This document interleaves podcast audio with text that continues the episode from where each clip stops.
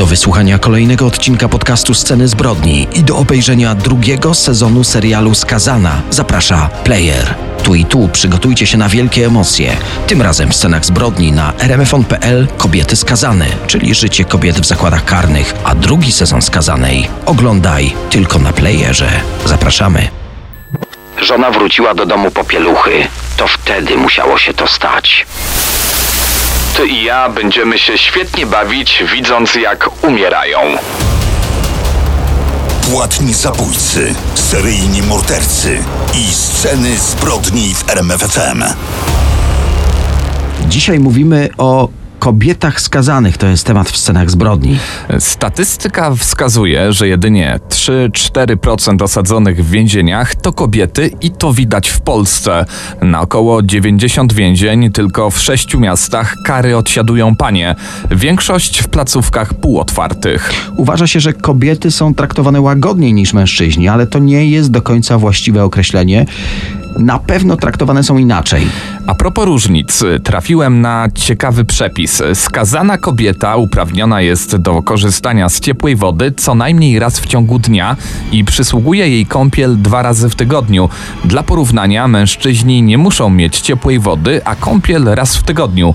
Kobietom przysługuje dwa razy więcej mydła. Wiele więzień pozwala kobietom na makijaż, na ładne ubieranie się, wręcz są do tego zachęcane poprzez różne programy. Chodzi o to, by nie straciły poczucia własnej wartości, by po wyjściu z więzienia znalazły motywację, by zacząć od nowa, by nie sięgać znów po alkohol. Właśnie, alkohol to chyba najczęstszy katalizator zatargów z prawem wśród pań, a więc pośrednio to przez picie i inne używki większość trafiła do więzienia. Jeśli chodzi o przestępstwa, których kobiety się statystycznie najczęściej dopuszczają, najwięcej osadzonych trafia do więzień, uwaga, za zabójstwa lub za usiłowanie zabójstwa, w tym niestety także swoich dzieci. Jest tu też grupa tak zwanych zabójczyń kuchennych. To kobiety, które broniły się przed przemocą, chwytały za to, co miały pod ręką, najczęściej nóż. Dalej, w tych statystykach są kradzieże i wyłudzenia i w końcu te, które odsiadują wyroki za różnego rodzaju rozboje. Ale w ostatnim czasie więcej jest kobiet łamiących prawo z pobudek ekonomicznych, w tym niespłacane kredyty. Skoro mówimy o pieniądzach, wiele kobiet pracuje w więzieniach lub poza nimi, w domach opieki, w różnego rodzaju placówkach pomocy. Ale skoro mówimy też o różnicach w odbywaniu kary, to kobiety rzadziej niż mężczyźni powracają do więzień. Kobiety też częściej niż mężczyźni wzajemnie się wspierają, wręcz się przyjaźnią i te przyjaźnie prawdziwe kontynuują także na wolności. Mówiliśmy o sześciu miastach z więzieniami dla kobiet. Kobiety odbywają kary w Grudziądzu, Krakowie Nowej Hucie, Krzywańcu, Lublińcu, Łodzi oraz Wrocławiu. Jeszcze jest, zdaje się, zakład otwarty w Czersku i oddział szpitalny dla osadzonych kobiet w Potulicach. Skoro już o tym mówimy, w Grudziądzu jest jedyne więzienie z oddziałem położniczym. Działa tu także oddział dla kobiet z dziećmi. Kobiety z dziećmi trafiają także do Krzywańca. Nie wszyscy wiedzą, że skazane matki mogą opiekować się swoimi dziećmi do trzeciego roku życia.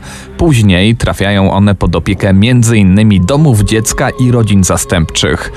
To musi być jeden z najtrudniejszych momentów kary, gdy trzeba się rozstać ze swoim dzieckiem. Właśnie większość kobiet za największą karę w więzieniu wskazuje nie izolację, a tęsknotę za bliskimi, matkami, partnerami przede wszystkim za dziećmi. Z drugiej jednak strony dzieciobójczynie to najniższa kategoria w kobiecych więzieniach, zwykle mają najtrudniej na początku, nikt z nimi nie siada do posiłków, są wręcz piętnowane. My dziś opowiemy o tych najbardziej znanych przestępczyniach w Polsce i na świecie. Wrócę do statystyk. Około 50 kobiet w polskich więzieniach odsiaduje te najsurowsze wyroki: 25 lat więzienia lub dożywocie. Opowiemy teraz o jednej z takich skazanych. To jedna z najbardziej znanych medialnie spraw. Powszechnie mówiło się o sprawie Madzi z Sosnowca. Jest 24 stycznia 2012 roku, wtorek.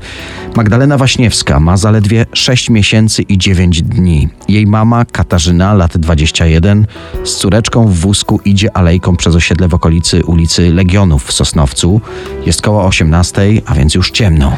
Nagle ktoś podbiega do kobiety kobiety, uderza ją czymś twardym w tył głowy. Kobieta upada, traci na moment przytomność. Po chwili odzyskuje świadomość, ale z przerażeniem zauważa, że w wózku nie ma jej córki.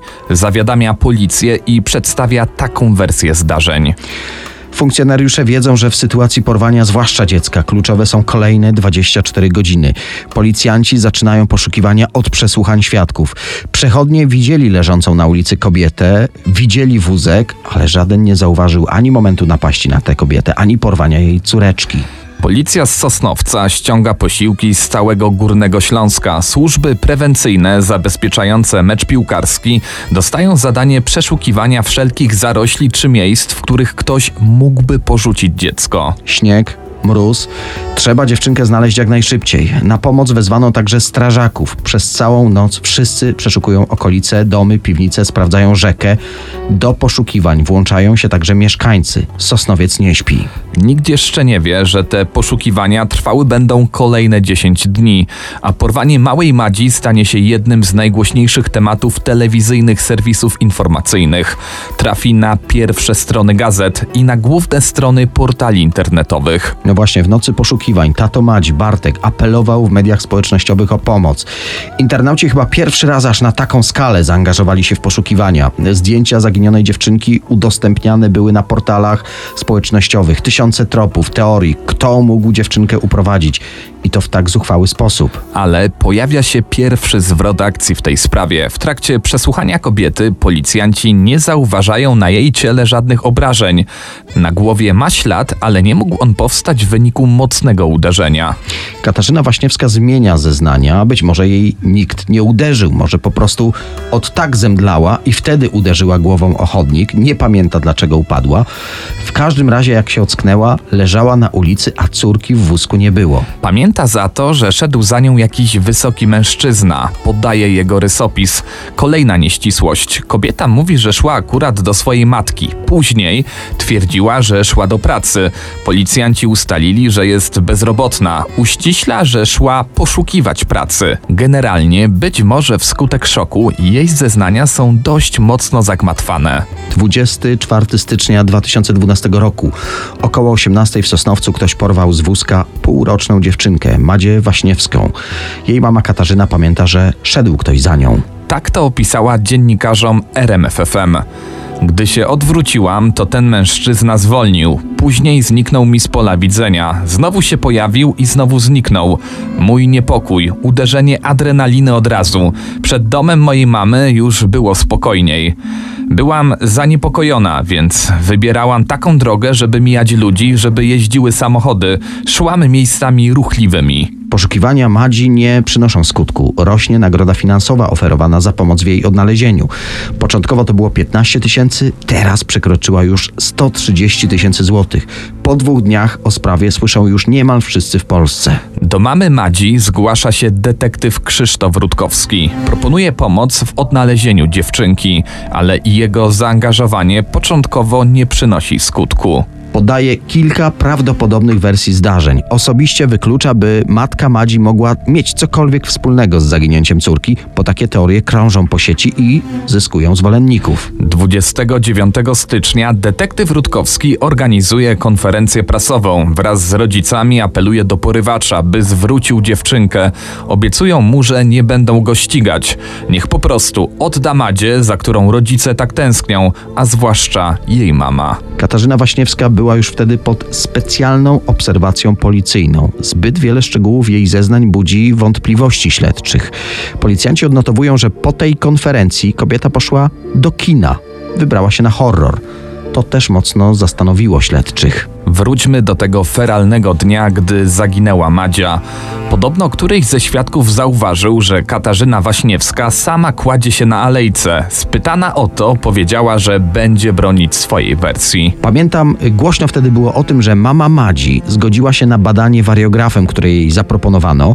Co ciekawe, z adresu IP w Sosnowcu ktoś wszedł na stronę internetową doradzającą sposoby na oszukanie wykrywacza kłamstw. Ostatecznie Katarzyna Waśniewska Waśniewska w ostatniej chwili wycofała się z badania wariografem. Twierdziła, że jest za bardzo zdenerwowana. Jej mąż Bartek testowi się poddał. Policyjny psycholog opracował w tym czasie profil porywacza. Mężczyzna w wieku do 30 lat prawdopodobnie porwał dziewczynkę na skutek silnych emocji. Mijają kolejne dni poszukiwań, apeli do porywacza i nagle zwrot akcji. Detektyw Rutkowski nagrywa wyznanie matki Madzi. Nie było żadnego porwania. Na nagraniu Katarzyna Waśniewska łamiącym się głosem przyznała, że córka po prostu wypadła jej z rąk. Upadła na podłogę w jej mieszkaniu tak nieszczęśliwie, że głową uderzyła o próg. Resztę dopowiada detektyw. Kobieta spanikowała, nie wiedziała co robić, wpadła na pomysł z porwaniem. Katarzyna Waśniewska wskazała także miejsce, w którym ukryła zwłoki swojej córeczki. Noc poszukiwań jednak nie przyniosła efektów. Poszukiwania ciała wznowiono 3 lutego. Prokuratura wydała nakaz aresztowania matki Madzi. Po 11 dniach poszukiwań, które wykroczyły daleko poza Sosnowiec, po 11 dniach medialnych doniesień, stało się jasne, że nie było porwania. Ale pojawiły się kolejne wątpliwości. Czy to na pewno był nieszczęśliwy wypadek? Wracamy do sprawy porwania sześciomiesięcznej Madzi z Sosnowca. 11 dni poszukiwań i w końcu przełom. Matka przyznała, że dziecko nie żyje. Wypadło jej z rąk. W ich domu dziecko uderzyło główką o próg. Reszta to wynik paniki. Ukryła zwłoki i upozorowała porwanie. Ojciec Madzi w rozmowie z dziennikarzem RMFFM tak to relacjonował. Żona wróciła do domu po pieluchy, to wtedy musiało się to stać. Pamięta, że pomagał żonie wynosić z mieszkania wózek z dzieckiem. Madzia wtedy jeszcze żyła. Pięć minut po wyjściu z domu się rozstali. Żona miała iść do swojej matki, a on w tym czasie pojechał po drzewo do swoich rodziców. Nie wiem, co się stało. Nie było mnie wtedy z żoną w mieszkaniu. Z tego co wiem, to ona wróciła do domu po pampersy. Pytany o to, czy wierzy w wersję o nieszczęśliwym wypadku, powiedział: Ciężko teraz powiedzieć, w co się wierzy. Przez tyle dni żyliśmy z rodziną w kłamstwie i to takim bardzo perfidnym. Dodał również takie słowa. Żona to jest najbliższa osoba. Wiadomo, że to się wierzy w każde słowo. No na tym polega to wszystko. Nie zastanawiałem się nad tym, czy ona mogła to zrobić. Skupiałem się przede wszystkim na odnalezieniu Madzi. No właśnie, policja sprawdzała ewentualność, że ktoś mamie Madzi mógł pomagać. Przeanalizowano logowanie komórki Katarzyny Waśniewskiej. Wynika z nich, że albo kobieta nie była na miejscu ukrycia zwłok i ktoś zrobił to za nią, albo poszła tam bez komórki. Katarzyna Waśniewska była aresztowana tymczasowo i w oczekiwaniu na kolejne dni procesu sądowego została z tego aresztu zwolniona. Miała jedynie stawiać się regularnie na policyjnym komisariacie. Nie stawiała się, zniknęła. Wydano za nią list gończy. W końcu listopada 2012 roku policjanci zatrzymali ją ukrywającą się we wsi Turosin Dolna, niedaleko Białego Stoku. Wówczas znów ją tymczasowo aresztowano. A w sądzie kolejny zwrot w tej sprawie. Biegli, którzy badali ciało dziewczynki, zeznali przed sądem, że to nie upadek, nie uderzenie główką o próg, a uduszenie było przyczyną śmierci dziecka. Obrońcy próbowali udowodnić, że do skurczu krtani mogło dojść wskutek uderzenia, ale biegli to wykluczyli. Prokurator mówił o działaniu ze szczególnym okrucieństwem, o zabójstwie z premedytacją. Domagał się dożywocia dla Katarzyny Waśniewskiej. 3 września 2013 roku zapada wyrok. Sąd Okręgowy w Katowicach za zabójstwo córki skazuje Katarzynę Waśniewską na 25 lat więzienia. Sąd apelacyjny utrzymał ten wyrok i doprecyzował, że kobieta będzie mogła ubiegać się o warunkowe zwolnienie najwcześniej po 20 latach za kratami. No właśnie, mówiliśmy o życiu skazanych. Dzieciobójczynie stoją najniżej w hierarchii więziennej. Po tym jak mama Madzi z Sosnowca trafiła do więzienia, jedna z gazet napisała, że kobieta kilka dni później w więzieniu wypiła płyn do mycia naczyń. Miała napisać także pożegnalny list. Rzeczniczka prasowa służby więziennej dementowała te doniesienia. Do takiego zdarzenia nie doszło, ale poinformowano, że Katarzyna Waśniewska trafiła do celi monitorowanej. W miejscu, gdzie odnaleziono ciało zamordowanej dziewczynki, mieszkańcy Sosnowca ułożyli setki maskotek i zniczy. Madzie Waśniewską pochowano na cmentarzu przy ulicy Smutnej w Sosnowcu. Sceny zbrodni w RMFFM. W scenach zbrodni kolejny z mrocznych tematów, którymi zajmujemy się tej jesieni. Kobiety skazane. I tym razem Jane Topan, amerykańska seryjna morderczyni nazywana Wesołą Jane. Pielęgniarka, która odpowiada za śmierć co najmniej 12 osób. Anna Kelly, bo tak oficjalnie kobieta miała na nazwisko, urodziła się 31 marca 1854 roku w Bostonie. Rodzice Anory byli biednymi irlandzkimi imigrantami. Mama dziewczyny zmarła na gruźlicę i czwórką córek musiał zaopiekować się ojciec, Peter. Zdecydowanie nie miał talentu rodzicielskiego. Mężczyzna uzależniony od alkoholu, po którym stawał się agresywny. Jak mówiło się w okolicy, Peter pewnego dnia oszalał i zszył swoje powieki w zakładzie, gdzie świadczył usługi krawieckie. Chory ojciec trafił do przytułku, a dwie najmłodsze córki do żeńskiego sierocińca. A Nora miała wtedy zaledwie 6 lat. Inna wersja tych zdarzeń głosi, że mężczyzna sam oddał córki do sierocińca, bo zupełnie nie radził sobie z dziećmi. Córkom z rodziny Kelly nie układało się w życiu. Delia trudniła się prostytucją, a starsza Nelly, podobnie jak jej ojciec, trafiła do zakładu dla obłąkanych. Znacznie lepiej los ułożył się dla Anory. Po dwóch latach w sierocińcu trafiła do domu państwa Topan, przyjęła imię i nazwisko swoich opiekunów i w taki sposób świat poznał Jane Topan. Dziewczyna była traktowana przez nowych rodziców bardziej jak pomoc domowa niż jak ich dziecko. Bezsprzecznym faktem jest y, jednak to, że no, jej warunki życiowe zdecydowanie się poprawiły. Jane dobrze radziła sobie w szkole, sprawiała zupełnie normalne wrażenie. Wszystko zmieniło się w momencie, gdy przeżyła zawód miłosny. Złamane serce 16-letniej Jane skutkowało dwoma próbami samobójczymi. Sądziła, że przewiduje przyszłość przez analizę snów, w skrócie doznała załamania nerwowego. Dlatego 20-letnia Jane dołączyła do swojego ojca i siostry w zakładzie psychiatrycznym. W 1880 roku, gdy jej stan się poprawił, została studentką pielęgniarstwa szpitala Cambridge.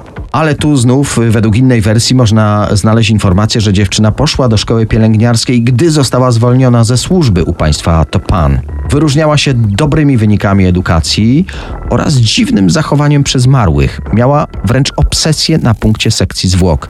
Poza tym była miła i uśmiechnięta wobec swoich podopiecznych, dlatego nazywano ją Jolly Jane, czyli wesołą Jane. Jednak wkrótce pokazała swój demoniczny charakter. Pielęgniarka przeprowadzała eksperymenty medyczne na schorowanych i starszych pacjentach. Kobieta testowała różne dawki morfiny i atropiny. Chciała zobaczyć, jak reaguje układ nerwowy poszkodowanych. Podawała takie dawki, aby pacjenci byli na granicy życia i śmierci. Gdy tracili przytomność, leżała z nimi w łóżku. Jak przyznała później, odczuwała podekscytowanie, widząc umierających ludzi. Po przyłapaniu kobiety na kradzieżach, Jane Topan została zwolniona ze szpitala Cambridge. Nie przeszkodziło to jej jednak szybko znaleźć kolejną pracę. Jane sfałszowała niezbędne zaświadczenia i została prywatną pielęgniarką. W taki sposób zabójcza siostra Jane zaczęła odwiedzać pacjentów w ich własnych domach. Efekt tych spotkań, jak się domyślacie, mógł być tylko jeden. Wracamy do sprawy Jane Topan, pielęgniarki, która zamiast pomagać pacjentom, doprowadzała ich do śmierci. Jak wspominaliśmy, kobieta została zwolniona ze szpitala nie za morderstwa, ale kradzieże i rozpoczęła karierę prywatnej pielęgniarki. Przez ponad dwie dekady odwiedziła kilkadziesiąt domów w rejonie Nowej Anglii. Niewielu pacjentów wesołej Jane przeżyło kurację, jaką im zafundowała. Oprócz tego, że pielęgniarka odczuwała chorą satysfakcję z uśmiercania ludzi, uważała również, że nie ma sensu utrzymywać przy życiu tych najstarszych pacjentów, dlatego podawała im zabójczą mieszankę różnych medykamentów. Mordercza seria Jane Topan przybrała na sile w 1895 roku. Wtedy otruła państwa Danam. Cztery lata później śmiertelną dawką strychniny poczęstowała swoją przybraną siostrę Elizabeth, córkę państwa Topan. Następnie planowała poślubić wdowca po Elizabeth Oramela Brigama. Aby wokół mężczyzny nie kręciły się inne kobiety, Jane otruła gospodynię wdowca i jej siostrę. Gdy Oramel był odporny na jej wdzięki, próbowała otruć i jego, aby później opiekując się chorym, rozkochać go w sobie. Na szczęście dla mężczyzny ten plan się nie powiódł. W lipcu 1901 roku zmarła Mattie Davis. Kobieta zeszła z tego świata w wyniku niewydolności serca podczas wizyty u swojej dawnej przyjaciółki, wesołej Jane. Następnie na tamten świat odeszła Annie, córka pani Mattie.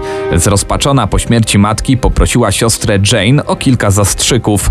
Nie zdawała sobie sprawy, że śmiertelnych. Parę dni później kolejna tragedia w rodzinie Davis. W wyniku ciężkiego udaru umiera głowa rodziny, pan Olden. Tak się dziwnie złożyło, że mężczyzna otrzymywał medykamenty od pielęgniarki, jakbyśmy to powiedzieli, ostatniego kontaktu. I właśnie w taki sposób jedynym żyjącym członkiem rodziny pozostała Mary Gibbs, zamężna córka państwa Davisów. Jednak jej dni były policzone. Cała rodzina dokonała żywota w niecałe sześć tygodni. Taka seria niespodziewanych śmierci nie mogła przejść bez echa. Mąż Mary zażądał przeprowadzenia autopsji ciała swojej żony. Pielęgniarka dbająca o zdrowie zmarłej rodziny robiła wszystko, co możliwe, aby nie doszło do sekcji zwłok. Nie zdołała jednak powstrzymać policji stanu Massachusetts, która przejęła sprawę. Wyniki badań wskazywały jasno, że Mary Gibbs została otruta morfiną i atropiną. Dla wszystkich było jasne, kto stał za tą makabryczną serią nagłych zgonów. Ale siostra Jane zdążyła już w tym czasie uciec do Bostonu. Jednak pod koniec października 1901 roku Jane Topan została aresztowana. Wkrótce kobieta zszokowała śledczych, przyznając się do 31 morderstw. Jane Topan. Jej historią aktualnie zajmujemy się w scenach zbrodni. Pielęgniarka, no dosłownie z piekła rodem. Została aresztowana w 1901 roku po otruciu całej rodziny Davis. W areszcie przyznała się do ponad 31 morderstw. Wielu badaczy zajmujących się przypadkiem wesołej Jane jest przekonana, że rzeczywista liczba jej ofiar wynosi od 70 do 100.